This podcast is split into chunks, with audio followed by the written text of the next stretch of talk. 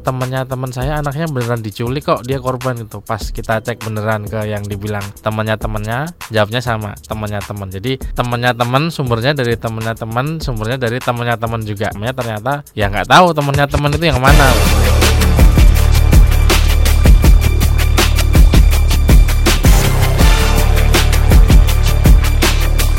Cek fakta, cek fakta, cek fakta.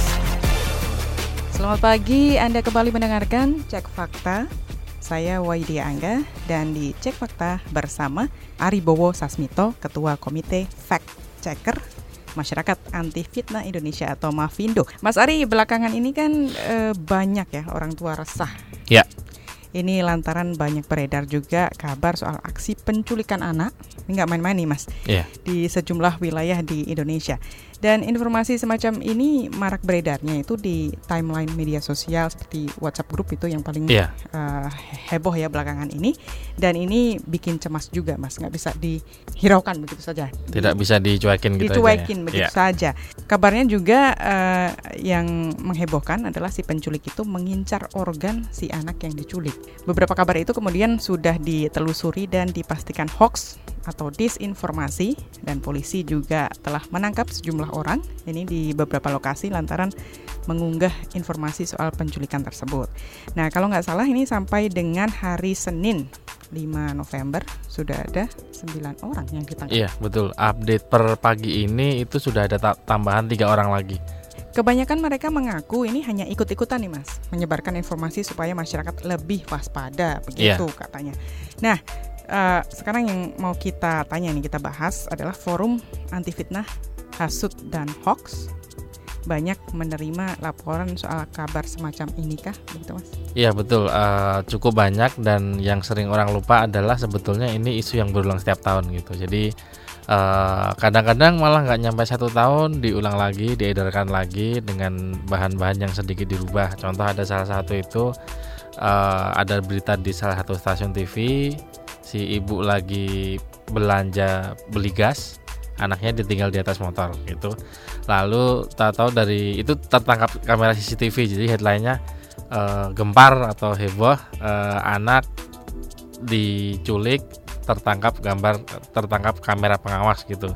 Nah pas dirunut-runut dicari tahu ternyata eh, itu yang dalam tanda petik menculik itu bapaknya sendiri ternyata memang sedang bermasalah dengan ibunya gitu. Nah itu kan sebetulnya eh, informasi yang ada follow up-nya tapi dipotong. Jadi eh, sudah ada hasilnya ternyata bukan diculik orang tapi diculik tanda petik oleh bapaknya tapi dipotong bahwa di oleh kamera CCTV ini ketahuan gitu. Padahal aslinya ya bukan diculik gitu. Dan banyak juga teknik yang eh, istilahnya kan begini.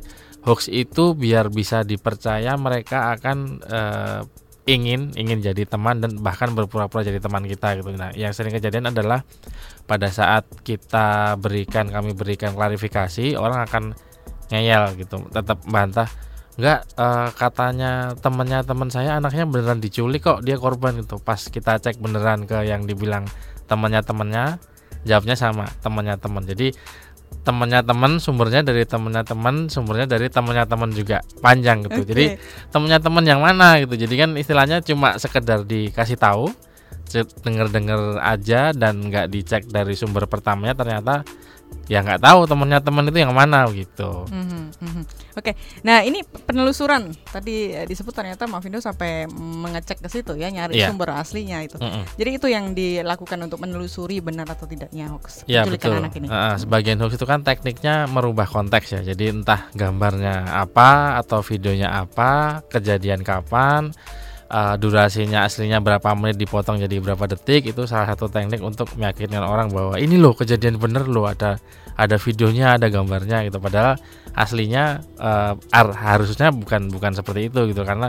eh, kalau gambar sudah dipotong, diedit itu kan udah merubah maknanya gitu mbak. Oke. Nah, Mas Ari, ini para pelaku kan eh, kalau dilihat sepertinya nggak paham ya kalau Iya. perbuatannya itu salah dan mengganggu. Nah, ini mereka banyak mengaku ingin uh, menyebarkan informasi tersebut supaya orang lebih waspada. Iya, begitu. betul. Nah, ini gimana ada menanggapinya begitu, Mas? Ya sebetulnya untuk mengajak orang lebih waspada itu kan ada cara yang lebih baik selain menakut-nakuti dan membuat orang khawatir dan menyebarkan kepanikan gitu loh. Jadi uh, efeknya adalah uh, udah sudah ada beberapa kejadian ini. Jadi orang yang orang nggak kenal, orang yang kelihatannya mencurigakan e, ditanya dan orangnya panik ujung-ujungnya dikeroyok. Jadi dikeroyok sampai meninggal. Itu kan masalah baru ya kasihan. E, pastikan bahwa sumber informasi itu memang dari sumber informasi pertama dan valid gitu dari sumber-sumber valid. Kalau ada kejadian jangan malah disebarkan pakai media sosial karena itu tidak tidak banyak gunanya gitu. Jadi silahkan kalau memang benar-benar jadi saksi mata kejadian tersebut ya lapor ke yang berwenang, jangan malah bikin status Facebook. Oke, demikian episode cek fakta kali ini yang mengusut soal heboh penculikan anak. Saya Waidi Angga bersama Mas Ari Bowo Sasmito. Terima ya. kasih Mas Ari ya. Terima kasih Mbak. Oke, kita pamit undur diri. Cek fakta, cek fakta, cek fakta.